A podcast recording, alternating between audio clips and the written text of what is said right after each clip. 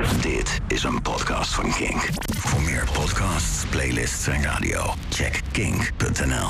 Kink. Kink op de week.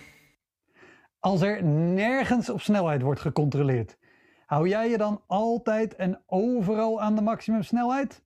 Oké, onthoud dat antwoord. Afgelopen zondag ging ik naar een voorstelling in een groot theater. En bij de ingang werd mijn QR-code gescand en naar mijn geboortedatum gevraagd. En dat is een truc die je kent van toen ik als minderjarige nog veel in koffieshops kwam.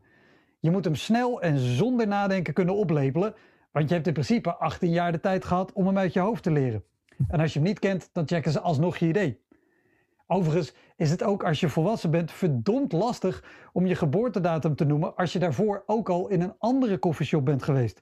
Ik heb bijvoorbeeld meerdere keren beweerd dat ik geboren ben op gele M&M's en een cola alsjeblieft. En mijn code was in orde. Want ik ben net zoals 85% van de bevolking gevaccineerd. Dus ik noemde mijn verjaardag zonder haperen of stotteren en ik mocht naar binnen. En het was er net als vroeger. Het wende zo snel dat er al na vijf minuten iemand aankwam om te zeggen dat ik binnen niet mocht blowen. Sorry nog daarvoor. Maar die QR-code is een geweldige manier om te zorgen dat we nu in de staart van de pandemie toch alweer optimaal gebruik kunnen maken van onze vrijheden. En het is niet perfect, maar niets is perfect. Duitse Kroes lijkt perfect tot ze begint te praten. Hm. En als je niet gevaccineerd kunt worden of niet in de buurt van een testlocatie woont, ja, dan is het lastig om spontaan iets te ondernemen. Klopt. Maar hey, dat is het ook als je kinderen hebt of als je in een rolstoel zit en graag een kroeg in wilt. Want hoewel horecaondernemers over elkaar buitelen om te roepen dat toegankelijkheid en gastvrijheid het allerbelangrijkste in hun vak zijn, dat vinden ze een stuk minder belangrijk als ze hun zaak aan moeten passen zodat daadwerkelijk iedereen erin kan. De Koninklijke Horeca Nederland heeft namelijk het standpunt dat toegankelijkheid en gastvrijheid goed samengaan, mits er per situatie gekeken wordt naar de mogelijkheden.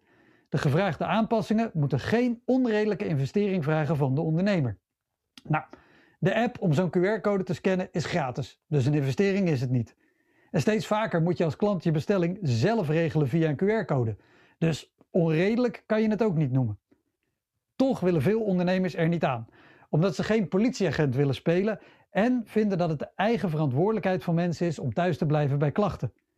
Maar als onze eigen verantwoordelijkheid echt zo groot is, dan hadden we nergens regels of controles voor nodig. Maar jij rijdt ook wel eens te hard. Weet je nog het antwoord op vraag 1?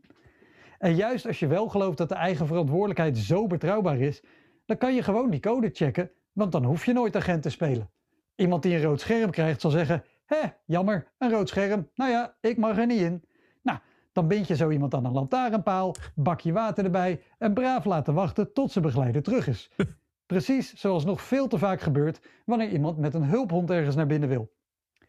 We hebben gewoon tijdelijk extra regels nodig om straks weer te kunnen leven met zo min mogelijk regels. En het lijkt nu misschien een schip met zure appelen, maar binnenkort bakken we daar gewoon een warme appeltaart met slagroom van. Dit was een podcast van Kink. Voor meer podcasts, playlists en radio, check kink.nl.